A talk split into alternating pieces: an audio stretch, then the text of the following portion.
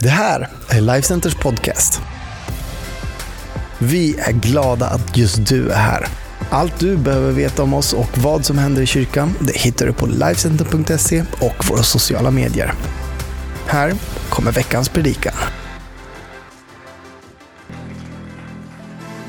Tack Pernilla. Ni får gärna stå kvar om ni vill, men ni får sätta er ner också. Det är lite skönare. Nästa år har Pernilla, Per-Johan och jag jobbat tillsammans, och Samuel, i 30 år. Hur ska vi fira det, Pernilla, Samuel? Med att fortsätta? Hörni, ehm, tack för att ni är här idag. Jag vill ju hälsa lite extra varmt välkommen till en av mina bröder som är här. Jag har ju två äldre bröder. Den äldste heter Lars-Åke, han bor kvar i Karlskrona. Och sen har jag Stefan här idag och hans fru Anki. Och vet ni att Stefan fyller år idag? Eller hur?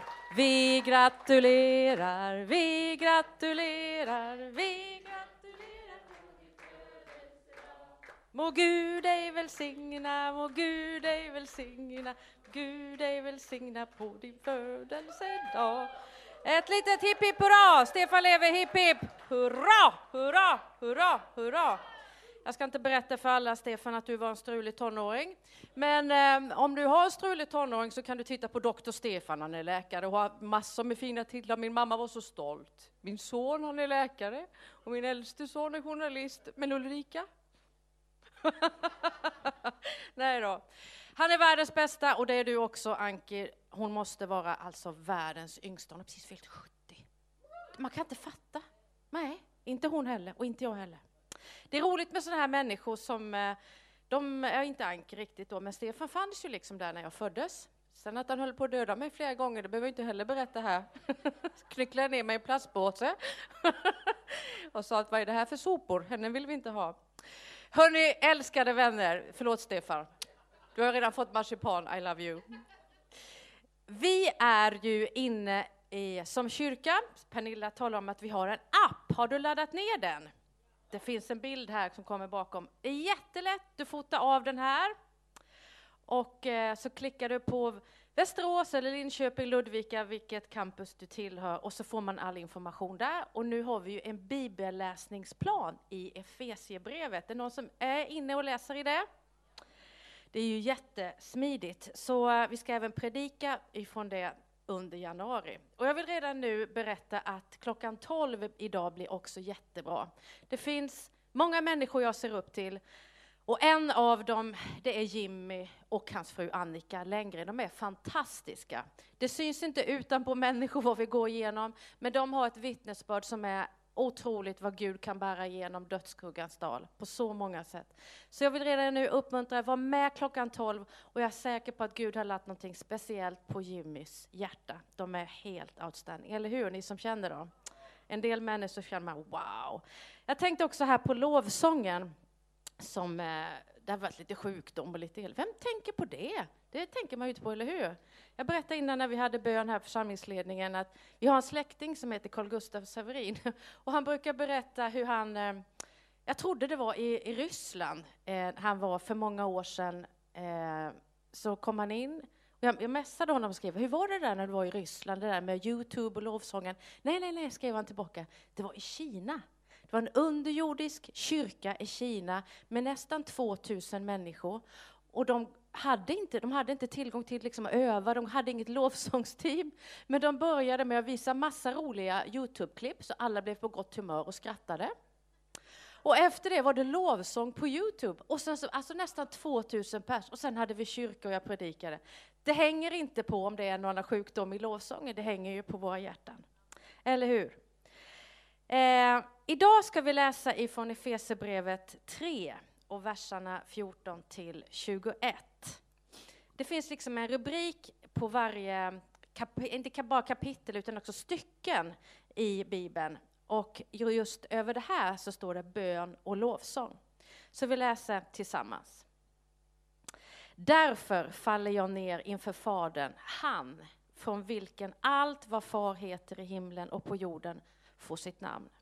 Jag ber att han som är så rik på härlighet ska ge er kraft och inre styrka genom sin ande, så att Kristus genom tron ska bo i era hjärtan och att ni ska hålla er fast rotade i kärleken.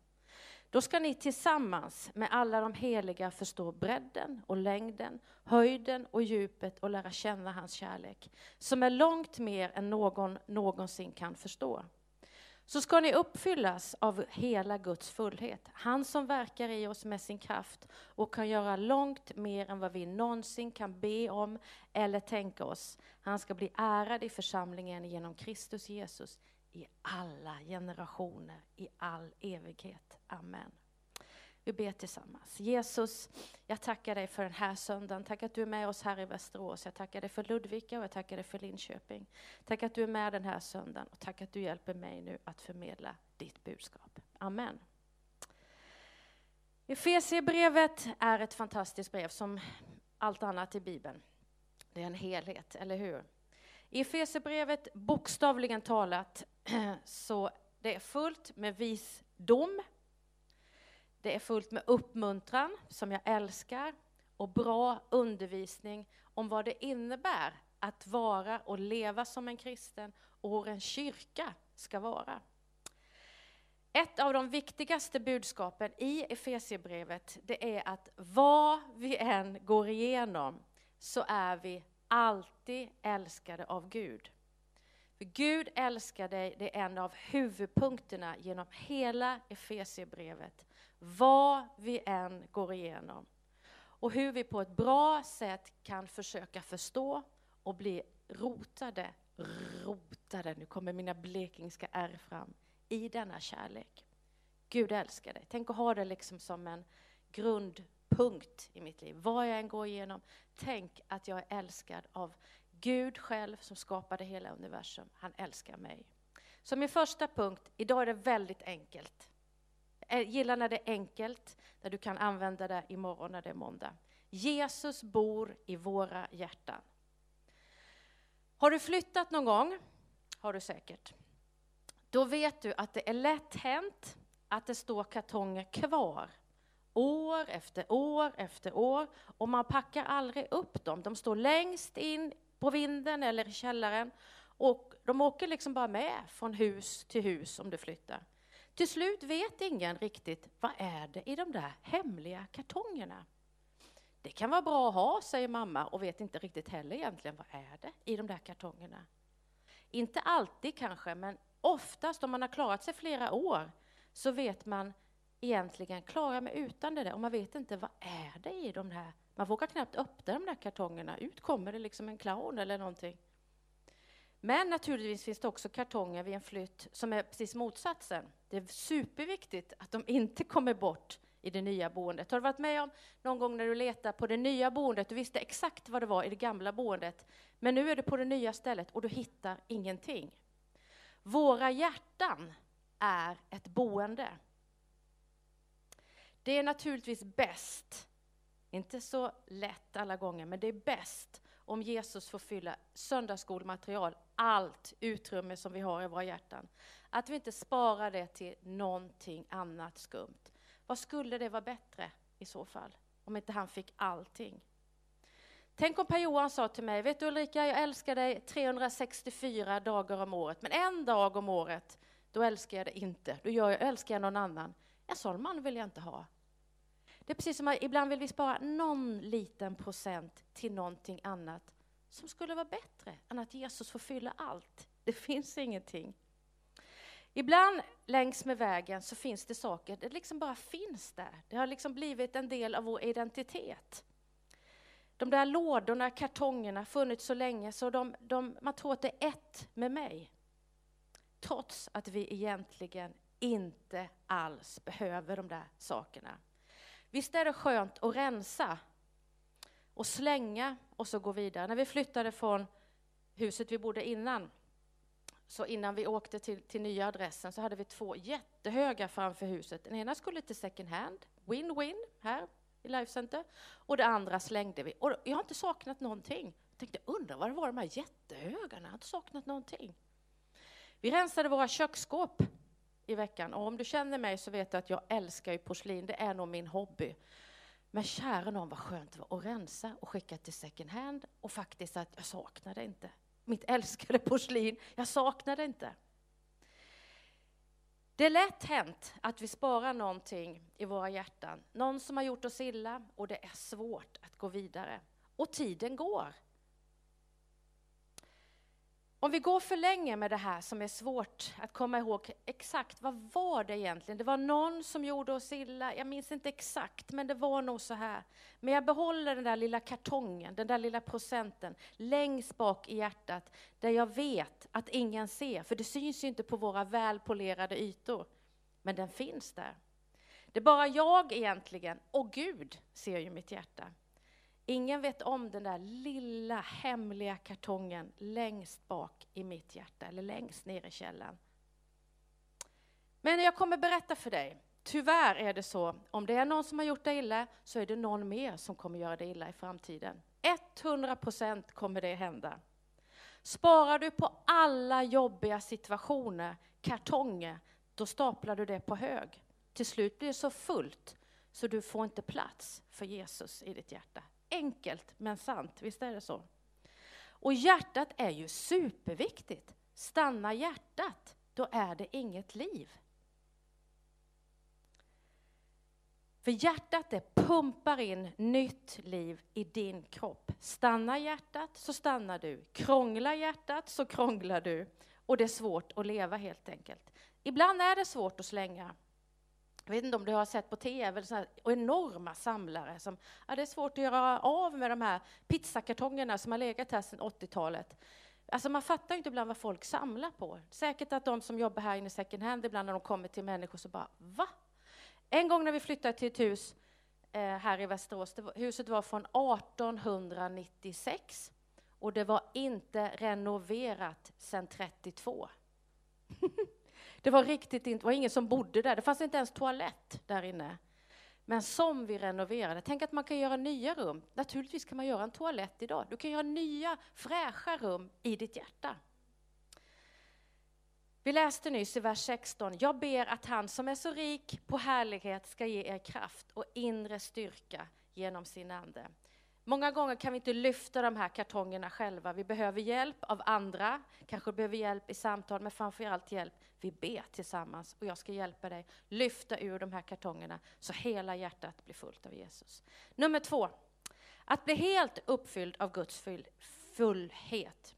Nyfiken i en strut finns det ett, ett ordspråk som lyder, öppnar man struten så tittar i alla fall inte jag ut. Det finns så många nyfikna människor som vill veta allt och ibland prata runt och därmed mycket strunt. Det är lätt hänt för dig och för mig. Men jag märker en jättestor skillnad i mitt liv och mitt tal och mitt hjärta när jag börjar dagen, precis som rubriken här som jag sa innan, med bön och lovsång. Och så tänker du, nej men hjälp alltså, det är inte alla som kan börja den dagen, för jag har tre barn som ska till skolan och, och så ska jag själv iväg till jobbet. Men Gud vet ju hur din vardag ser ut.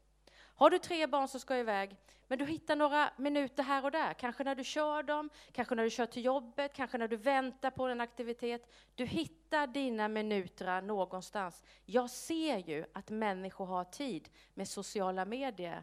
Då har du tid att prata med Gud. Om du letar bland dina kartonger i ditt hjärta och slänger det som du inte behöver vid alla kartonger så kan du med största sannolikhet göra plats för bön i ditt hjärta. Och du vet, nu för tiden är det så lätt, man kan lyssna på Bibeln. Du kan sätta på lovsång när du är på gymmet eller i bilen, skruva upp volymen och så får du bara lyfta en hand i taget och så prisar du Gud i bilen. Fantastiskt, eller hur? Lyssna på någon annan som har gått före. Hur ska jag få ihop livet om du har två, tre, fyra barn som ska iväg? Fråga någon annan som har gått före. Been there, done that, still alive. Jämför dig inte med andra, men gärna inspireras så att du kan inspirera andra. Vet du att jag minns hur det var. Ibland gick man upp klockan fem och ja, det gick liksom i ett till elva, halv tolv. Men du hittar några minuter när du i din vardag, hittade två minuter där när jag körde, jag väntade på en aktivitet, du hittar dina minuter. I vers 18 så står det, då ska ni tillsammans med de heliga i kyrkan förstå bredden och längden, höjden och djupet och lära känna hans kärlek som är långt mer än någon någonsin kan förstå. Nummer tre, han kan göra långt mycket mer. I vers 20 så står det, han som verkar i oss med sin kraft kan göra långt mer än vi någonsin kan be om eller tänka oss. Han ska bli ärad i församlingen genom Kristus Jesus i alla generationer, i all evighet. Amen. Om du hört mig de senaste åren så har, jag, har du kanske hört mig nämna ordet kompensation. Gode Gud. nu skulle jag vilja ha kompensation i mitt liv, i vår församling, i människors liv runt omkring mig. Och för vår värld. Det har varit upp och ner alldeles för länge. Krig och elände en kvart bort här i Ukraina. Jag fortsätter be om kompensation, men jag fick ett nytt ord här under hösten. Jag ber om kompensation, inte minst för våra tonåringar. Tyckte liksom två år för mig, om jag var 52 eller 54, det spelar ingen roll.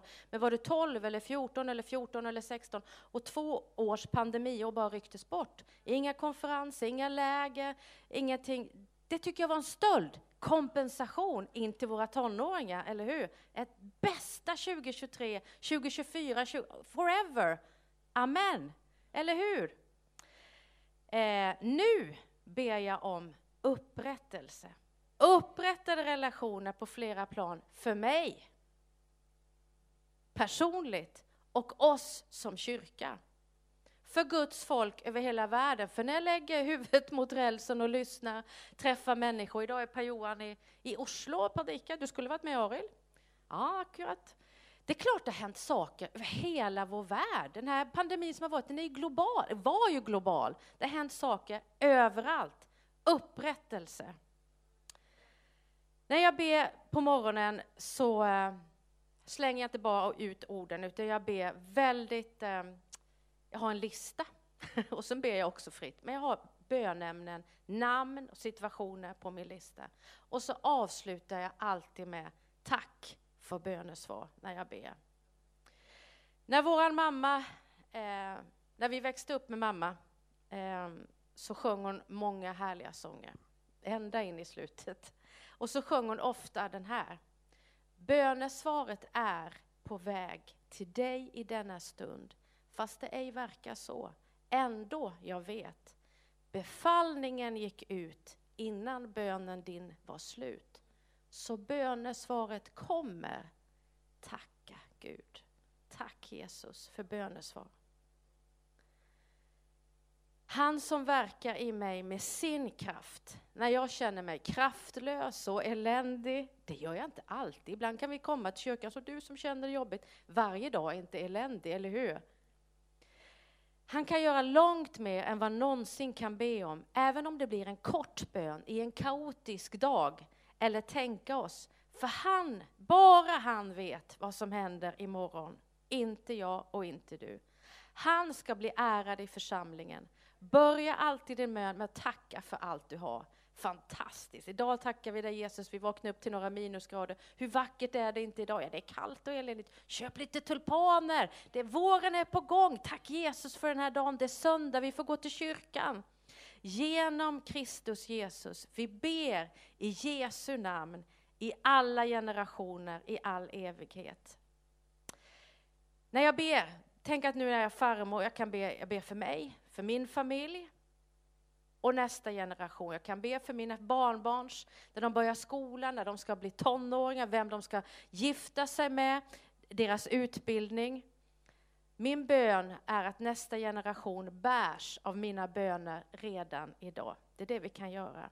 Ingen av oss lever på en öde ö, eller hur? Våra beslut och våra ord vi säger är oerhört viktiga för nästa generation. Jag tror på dig. Du är fantastisk. Vad kan jag be för tillsammans med dig? För vi skriver familjehistoria, det vi gör som föräldrar, ibland misslyckas vi, men det betyder så mycket här och nu idag. Amen, amen. Det var det som jag kände att jag, Gud har lagt på mitt hjärta idag. Ge inte upp. Det kommer nog stå på min gravsten en dag. Hon gav i alla fall inte upp idag heller. Nu har hon det jättebra. Hon skrattade hela vägen, nästan hela vägen. Det finns så mycket som man kan ha som rubrik, bön och lovsång.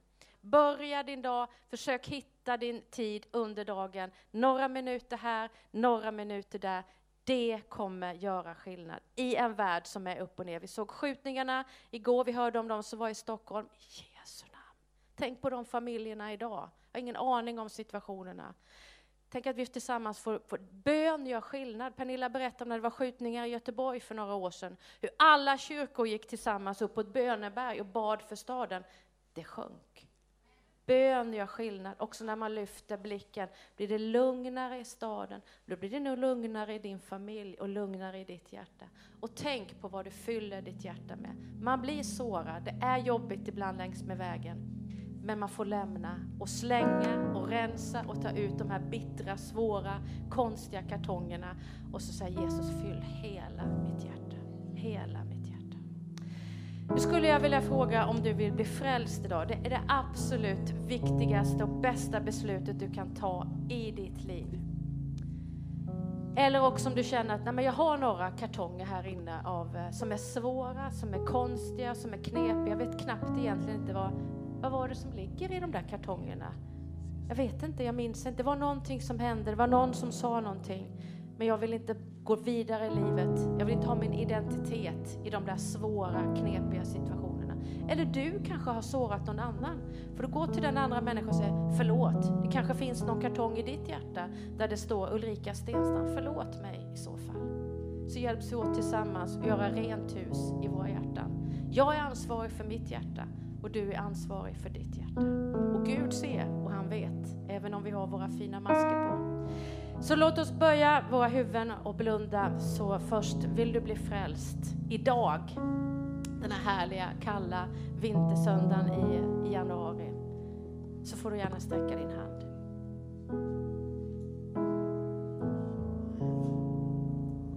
när jag tittar ut så kanske det inte är någon just idag som blir frälst. Men känner du att du bär på liksom konstiga kartonger i hjärtat som du vill hjälpas åt att bli av med? Sträck din hand och så ska vi be tillsammans. Det förstår jag. Det har jag också haft.